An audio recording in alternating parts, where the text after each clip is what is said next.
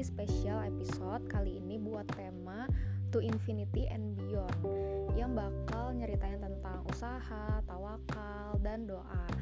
E, dan di sini kita bakal ada diskusi asik bareng sama Sani dari 103.9 dan Kang Faris. Check this out. Muhammad Rizwan, uh, teman-teman bisa panggil Faris. Sebelumnya saya pernah kuliah di S1 jurusan fisika di Universitas Pajajaran uh, baru aja lulus tahun 2019 kemarin bulan November. Terus saat ini lagi belajar lagi lah istilahnya belajar lagi ya bareng uh, dosen pembimbing yang kemarin membimbing skripsi mengerjakan proyek yang sedang dikerjakan yaitu di bidang energi terbarukan. Itu mungkin. Nah uh, dengar-dengar uh, akan sebagai founder uh, student energy Universitas Pajajaran ya Kang? Ya betul betul. Kok bisa sih Kang uh, akan bisa mendirikan suatu student energy itu prosesnya gimana nih Kang? Bisa mendirikan student energy tempat? Oke, uh, prosesnya gimana? Ya awalnya dari ini sih, segala hal yang dilakukan itu pasti tersumber dari keinginan ataupun kebutuhan gitu kan. Hmm. Biasanya dari situ dulu. Dan kebutuhan biasanya mulainya dari keresahan gitu kan. Hmm. Nah saya waktu kuliah itu ambil bidang peminatan di fisika energi. Di biologi juga ada kan ya uh, bidang peminatan pastinya ya. Ada Nah iya, jadi ada bidang peminatan gitu uh, sejak semester 5 mm-hmm. uh, saya ambil fisika energi uh, selama kurang lebih belajar selama dua semester gitu ya. Dari semester 5, semester 6 uh, ke semester 7 masuk uh, saya ngerasa kok ini saya belajar tentang energi tapi kok saya nggak tahu sama sekali ini bentuk pembangkit yang aslinya tuh kayak gimana dan sebenarnya ada masalah apa sih di bidang energi? Karena selama ini yang saya pelajari cuma dari aspek fisikanya aja. Nah muncullah keinginan pengen tahu lebih jauh tentang isu-isu apa aja sih yang saat ini dibahas di Indonesia maupun di luar negeri berkaitan dengan energi terbarukan dan pastinya kan kalau di bidang energi yang rame-ramenya kan pasti uh, transisi dari energi fosil hmm. ke energi terbarukan dari energi yang kurang bersih ke energi yang lebih bersih. Hmm. Nah sejak saat itu mulai searching lah uh, kira-kira ada nggak ya uh, kayak semacam uh, society-nya gitu. Jadi ada organisasi profesional ataupun NGO yang provide uh, jadi komunitas di kampus-kampus. Biasanya kan contohnya kalau di Unpad ada SPI, hmm. IAS gitu kan. Terus ada apa lagi kalau di geofisika SEG. Nah, saya searching uh, ada atau enggak gitu. Oh ternyata ada, tapi di Indonesia belum ada gitu kan. Uh, namanya student energi. Uh, basisnya itu ada di Kanada, di hmm. Vancouver. Nah, makanya uh, ngelihat dari sana awalnya ngerasanya wah ini bahasa Inggris nih pasti gitu kan. Uh, harus siap-siap dan nyiapin modal biar pantas lah buat dijadiin sebagai chapter. Yaudah uh, singkat cerita nyari teman yang bisa ikut jadi sebagai pentis terus nyiapin kebutuhan berkasnya wawancara dan alhamdulillah uh, dan berjalan uh, sebagaimana yang kelihatan sekarang untuk agenda dari student energy ini apa aja kang kalau boleh tahu Oke, mulai mungkin uh, saya pengen coba jelasin dari tujuannya dulu ya. Hmm. Kalau tujuannya uh, ngedukung gerakan transisi energi dari energi terbaru uh, dari energi fosil ke energi terbarukan. Terus kalau buat agendanya ya kurang lebih secara umumnya kita menjalankan sesuai sesuai misi. Pertama kita pengen mengedukasi mahasiswa khususnya mahasiswa Universitas Pajajaran berkaitan dengan isu energi nasional maupun uh, internasional terus memfasilitasi buat mereka uh, ikut ke dalam uh, kegiatan yang sifatnya implementatif. Jadi nggak kita nggak bahas cuma teorinya aja tapi dari apa yang kita pelajari itu seminimalnya harus bisa menghasilkan suatu rekomendasi kebijakan ataupun jadi suatu uh, produk yang tepat guna gitu. Yang bisa digunakan ya seminimalnya buat Universitas Pajajaran lah. Terus yang ketiga ya kita uh, ngejaring mahasiswa. Kan ini uh, isu energi ini nggak bisa cuma dibahas dari sisi sains gitu kan. Karena energi ini ada masalah dari sisi sosial dari sisi ekonominya politiknya dari budaya kemasyarakatannya sains dan teknologi itu udah pasti jadi berusaha buat menghubungkan uh, rantai gitu ya yang ada di apa namanya rantai atau hubungan antara program studi yang ada di Unpad buat ngebahas uh, satu permasalahan dengan berbagai macam uh, latar belakang gitu. Jadi kita pengennya ada kolaborasi gitu antar mahasiswa. Gitu. Hmm. Ya super hebat banget kan bisa mendirikan organisasi sehebat ini dan belum terpikirkan gitu loh sama orang lain baru pertama kalinya. Uh, kalau dari segi jatuh bangunnya dalam proses mendirikan uh, student energy ini apa kan?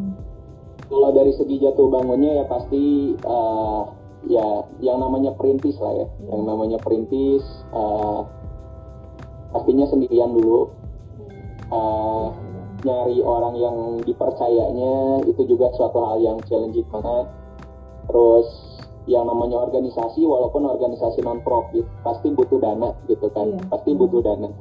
Dan itu dana dapat dari mana gitu? Itu organisasi yang baru kita ngajuin ke rektorat ya mungkin ya pasti ini apaan gitu kan e, siapa anda gitu kan. Sebagai organisasi baru nggak ujuk-ujuk dikasih dana. Ya otomatis ya ngemodal dulu sendiri uh, pakai dana sendiri atau uh, patungan lah sama uh, jajaran perintis dan sebelum ke hal-hal yang teknis kalau dari kami uh, jajaran pengurus uh, perintis dan energi ini kita penyamaan visi dulu. Penyamaan visi dulu. Ini uh, ditanya dulu nih ke teman-teman yang gabung sebagai pengurus. Teman-teman pengen dapat apa di student energi? Macam-macam bahkan yang dari biologi ada yang gabung juga kan san? DK oh iya. DK juga kan? Uh, DK jadi ini jadi public relation DK itu jadi public relationnya Nah, sempat saya juga tanya ke Deka, uh, Deka kamu dari biologi, kenapa mau gabung student energi? Apa yang pengen kamu dapat dan gimana caranya kamu mewujudkan apa yang kamu pengen gitu kan di student energi? Oh ya Kang, saya orang yang sangat senang ngebahas tentang SDGs katanya. Jadi uh, student energi ini SDGs banget Kang, SDGs able katanya. Oh iya ya udah. Terus gimana caranya kamu uh, memenuhi keinginan kamu mewujudkan uh, atau mempelajari hal-hal SDGs di uh, di student energy. Dia ngejelasin oh ya udah kayak gitu. Setelah satu framing baru jalin teknis termasuk uh, apa namanya ke pendanaan juga. Yaitu jatuh bangun gitu.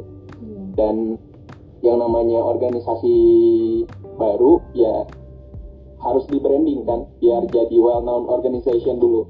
Kita punya identitas kita ke apa namanya organisasi kemahasiswaan yang ngebahas isu-isu energi seminimalnya seunpat tahu oh iya ada student energi ngebahas tentang isu-isu energi.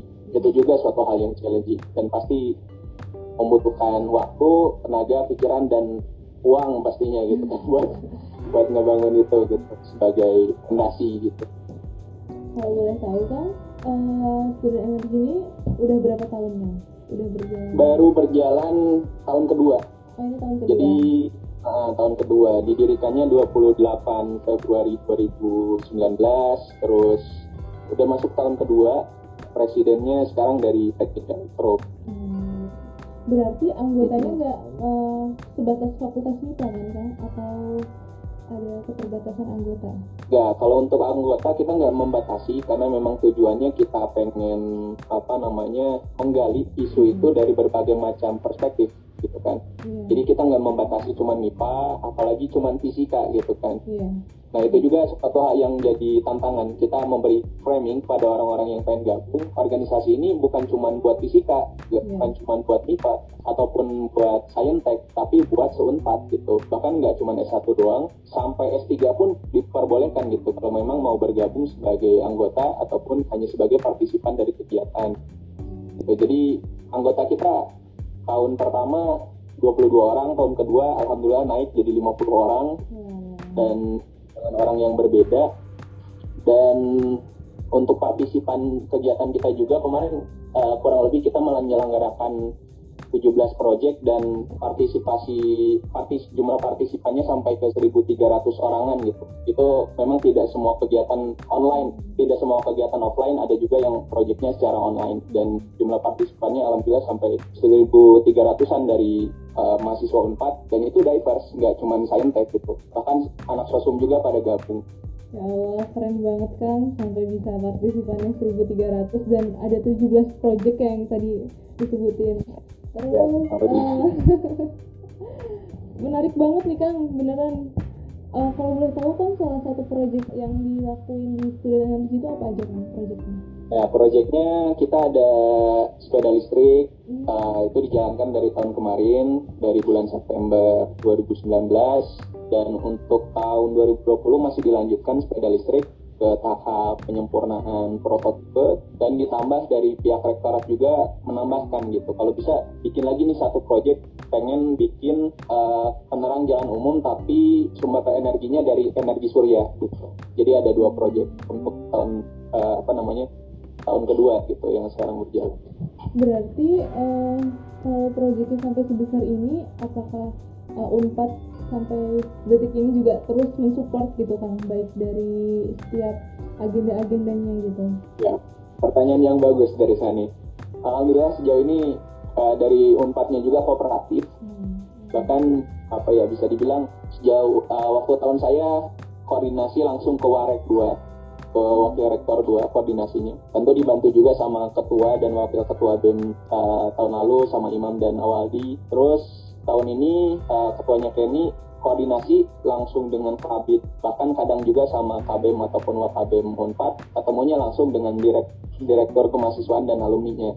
Jadi memang support banget gitu sebetulnya. Tinggal nanti dari aspek teknisnya aja yang kadang ada kendala gitu kan yang perlu diframingkan biar semuanya berjalan dengan lancar. Iya, iya. Terus, Alhamdulillah kalau begitu kan biar semuanya kan bisa terrealisasikan sampai kalau udah jadi proyek besar itu kan juga nanti yang mengharumkan nama universitas gitu ya kan? Iya. Hmm. kalau uh, motivasi akang untuk uh, mendirikan student energy ini tuh apa kan tadi ya motivasinya intinya pengen apa ya kalau dari saya pribadi pengen uh, belajar lebih jauh tentang isu energi. Hmm. tapi saya itu tipikal orang yang nggak bisa belajar sendirian. Jadi apa ya kasarnya hmm. nyari orang yang bisa nemenin dan suatu saat gitu bisa ngingetin apa yang jadi tujuan utama. Jadi pas kan kita juga kadang lupa ya sama tujuan diri kita sendiri. Tujuan kita tuh di share gitu ke orang lain orang lain itu inget pas kita udah mulai belok orang-orang itu kadang ngingetin gitu loh kok bukannya ke sini ya? Arahnya oh iya benar juga ya. Di satu di satu waktu juga kadang kita ngerasanya down gitu ngerasa nggak pengen belajar hal itu lagi. Tapi diingetin lagi makanya kita tujuan utamanya gini ya makanya kamu tujuannya gini ya. Jadi emang apa ya belajar tuh nggak bisa sendirian gitu. Akhirnya ya tujuan utamanya pengen belajar isu energi di lain sisi tujuannya pengen yaitu mengharumkan nama Unpad gitu. Sebetulnya Unpad ini potensial banget hal-hal yang apa ya bisa dibilang penelitian itu nggak cuman berakhir harusnya ya nggak cuman berakhir jadi skripsi ataupun dikasih jurnal gitu. yeah. tapi ada suatu penelitian yang bisa dihilirisasi ataupun dikembangkan jadi produk yang tepat guna. Oke lah kita jangan dulu bicara tentang produk yang skalanya industri. Minimalnya kita tanya dulu ada nggak sih produk yang bisa dipakai di dalam unpad buat orang-orang unpad juga gitu? Ya itu juga salah satu hal yang kemarin dianalisis. Oh iya gimana kalau sepeda listrik aja? Sebelumnya ada sepeda uh, ada tuh tapi nggak kepake. Ya udah kita cari dulu tuh kenapa nggak kepake. Kita riset dulu. Hanya sampai dapat kesimpulan dipakaikan uh, perlengkapan listriknya. Hmm. dan nanti orang-orang ketika nanjak di, tanjakan cinta itu nggak nggak repot gitu. Hmm. kalau naik sepeda biasa naik kacin itu ya udahlah udah pasrah. Ya udahlah nggak usah naik sepeda aja lah mending jalan kaki gitu kan. Iya ya, dengan tambahan gitu ya komponen kelistrikannya orang-orang bisa santuy gitu kan ketika nanjak di tacit gitu. Jadi ya itu tujuan yang berikutnya gitu mengharumkan nama Unpad. Dan bermanfaat lah secara umum. Kalau penerapan uh, doa-doa gitu Kang dalam setiap doa usaha tawakal dan uh, mendirikan student energy itu apa sih Kang yang bisa menguatkan akang sampai bisa benar-benar menjalankan baru dua tahun tapi partisipannya itu udah sebanyak itu dan proyeknya udah uh, besar-besar dan tentunya bermanfaat apa aja kan doa doa sama sama kami gitu Oke, mungkin kalau buat doa-doa uh, disclaimer dulu ya mungkin ya. Yeah. Uh, kalau saya itu uh, saya itu termasuk orang yang gak pandai dalam berlisan gitu dalam berdoa. Gak gak bisa apa ya kasarnya ada ada kata-kata indah lah dalam doa gitu kan yang memang uh, ada adab juga dalam berdoa. Mungkin saya juga nggak menerapkan semua adab doanya itu. Tapi hal yang paling saya yakini uh, dari setiap uh, doa-doa itu adalah doa dari orang-orang yang uh, mustajab doanya gitu siapa ya orang tua keluarga gitu kan terus dari orang-orang soleh dari apa namanya dari anak yatim dan sebagainya dari orang-orang yang ketika kita kasih mungkin suatu ketika kita melakukan kebaikan kita nggak mengharap apa pun dan orang itu ngedoain itu juga suatu hal yang doa mustajab gitu kadang nggak disadari gitu. Kan kadang gini ya uh, saya juga jadi uh, ini ceramahnya siapa ya waktu itu? Oh ya ceramahnya Buya Yahya gitu kan tentang doa. Uh, doa yang dikabulkan itu salah satunya orang yang didolimi hmm. uh, ketika kita didolimi daripada berdoa yang jelek mending berdoa yang bagus ya sih gitu kan yeah. terus selain itu juga doa dari orang yang mendoakan orang lain gitu ketika kita ngedoain orang lain ngedoain orang lain dengan doa yang baik itu jawabannya bukan dikabulin buat orang yang kita doain dulu tapi uh, bahkan dikatakan gitu ya mohon dikoreksi kalau salah gitu kan. Uh, malaikat mengatakan ataupun Allah mengatakan kamu duluan gitu yang dapat. Ya jadi apa ya amalannya mungkin sejauh ini ya udah ngodain orang lain aja dulu gitu kan yang baik-baik. Tapi di lain sisi salah nggak sih ketika kita mengharapkan doa tersebut juga diterapkan buat kita gitu. Yang nggak salah gitu. Toh kan ya pada siapa lagi kita minta gitu kan. Kalau bukan sama oh, gitu. Iya hmm. iya kita dan nggak ada juga uh, uh, doa yang uh, tidak ada hasilnya. Walaupun itu bukan yang terbaik ya. untuk kita pasti ada pilihan yang terbaik lagi. Oh ya benar. Karena ya, ya yang diyakini itu doa itu kan bukan berarti gak dikabulin gitu ya, ya tapi doa itu bisa aja di apa ya di extend gitu bisa aja kita belum belum siap nih nerima kemuliaannya gitu karena kita emang perlu mempersiapkan diri dengan pantas buat menerima kemuliaan dari apa yang kita doakan terus kadang juga jawabannya dari hal-hal yang kita nggak duga sama sekali gitu kan. Nah, ini mungkin sedikit cerita juga ya hal, hal yang memang nggak diduga sama sekali. Hmm. Jadi waktu awal saya masuk kuliah gitu kan saya pengen saya berdoa gitu kan. Uh, pengen berprestasi. Ya udah uh, udah doanya nih. Ikhtiarnya apa? Ya udah ikutan. Kayak misalkan volunteering gitu kan suka ada programnya volunteering yang yeah. luar pulau ataupun ke luar negeri gak keterima. Terus uh, ikutan pelatihan kepemimpinan beasiswa terus ikutan PKM LKTI gak ada yang lolos sama sekali. Yang ada ya udah gitu kan malah dikasihnya waktu itu gitu ya malah dikasihnya malah amanah organisasi gitu kan. Betul, yang mungkin kadang kita juga ngerasanya ini tuh prestasi atau bukan sih kadang kita nggak ngelihat di situ ada penghargaan gitu kan.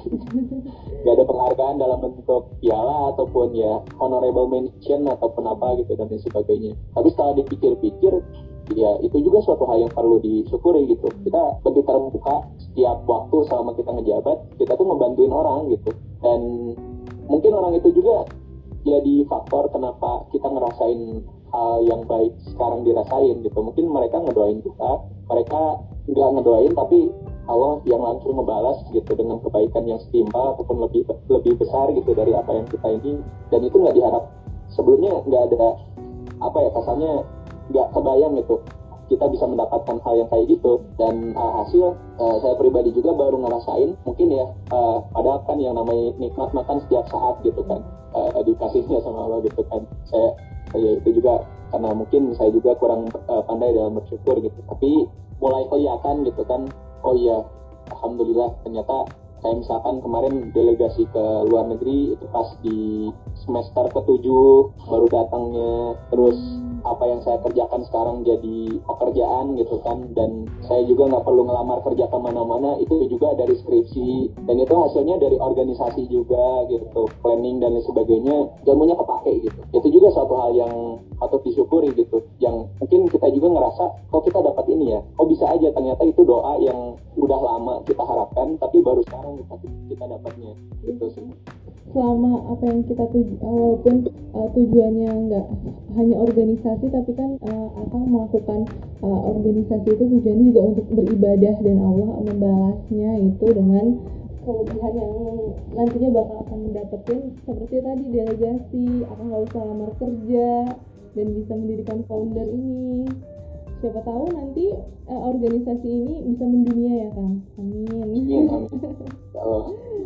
Nah terakhir nih kan sahabat pendengar uh, eh, 139 ini pengen kasih motivasi nih Kang buat gimana caranya bisa sampai bisa, uh, melewati tahap-tahap tersulit terus bisa menjalani tidak putus asa gitu Kang. Gimana kalau motivasi dari Akang untuk sahabat setia pendengar 139 motivasi mungkin saya nggak pandai buat memberikan motivasi ya. Cuman yeah. ini lebih ke uh, pengalaman pribadi aja. Jadi kalau saya ambil kiasannya di organisasi, uh, lakukan sesuatu hal itu sesuai dengan job desk-nya. Jadi uh, kita lihat kita itu siapa, kita itu hamba Allah gitu. Yang kita sembah, yang kita apa namanya mintai pertolongan yang paling pantas gitu buat dimintai pertolongan itu Allah gitu. Jadi ada Tuhan sama hambanya gitu. Ya job desk kita apa? Ya udah doa, doa gitu dan berusaha. Sisanya ya serahkan gitu. Kasarnya apa ya? Dalam setiap usaha kan dalam setiap hal yang ingin kita capai itu ada proses dan hasil. Proses itu jadi job kita sebagai manusia gitu. Hasil itu udah jadi job desk-nya Allah gitu. Biarkan Allah yang menentukan hasilnya. Jadi setiap yang dilakukan ya ada penolakan ada apa namanya ada cacian, ada makian dari orang dari apa yang kita lakuin gitu. Selama emang kita menganggap itu suatu hal yang benar dan kita sudah pertimbangkan itu benar orang lain jelek dan sebagainya ya udah kita bodo amat aja dengan apa yang orang lain katakan. Karena apa yang mereka katakan belum tentu sesuai dengan apa yang realitanya gitu kan. Yang lebih tahu ya Allah gitu. Jadi ya udah serahkan aja soal hasil sama Allah gitu. Jadi jangan kita mikirin hasil gitu kan. Hmm. ya kita ulangan ataupun UTS, UAS dan sebagainya, ya udah lakuin aja dari apa yang udah kita pelajari. Soal hasil mau dapat nilai berapapun, ya udah jangan jangan ditawar hasil mah gitu kan. Itu terserah dari Allah aja gitu. Jadi tugas kita cuma di bagian proses, biar nggak ngerasa insecure, ya udah kita apa namanya orientasinya ke proses dan sisa sisanya untuk hasilnya diserahkan sama Allah yang lebih berwenang gitu kan menentukan hasil itu sih yang selama ini dilakuin ya makanya kalau sering ditolak sering dikata-katain sama orang ya nggak ngerasa sakit hati karena emang ya itu bagian dari proses gitu. Dan orang yang nggak mau melewati proses itu dan nggak nggak akan bisa mendapatkan hasil yang dimaui Allah apalagi dimaui kita gitu ya kan iya benar. Karena kadang kita tuh minta apa ya ada ada ini juga sih apa kadang apa yang dikasih sama Allah itu bisa sesuai atau bahkan bisa lebih gitu. Ya udah kalau misalkan kita mintanya apa yang kita doakan, misalkan kita pengen dapat nilai A, ya udah kita dapatnya nilai A doang. Tapi kalau misalkan kita pengen dapat ilmunya sesuai dengan apa namanya apa yang jadi kehendak Allah itu pasti lebih pasti lebih dari apa yang kita pengen. Iya benar kan setuju.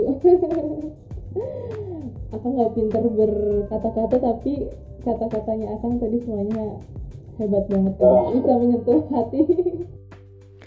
Jadi gimana guys? Seru kan ya diskusi asiknya? Semoga dengan diskusi asik itu kita jadi terpicu semangatnya dan motivasinya untuk selalu berusaha berdoa dan bertawakal semaksimal mungkin dalam menggapai cita-cita kita Terima kasih ya udah mendengarkan kita selalu. Sampai ketemu lagi di podcast-podcast selanjutnya. Wassalamualaikum warahmatullahi wabarakatuh. Dadah.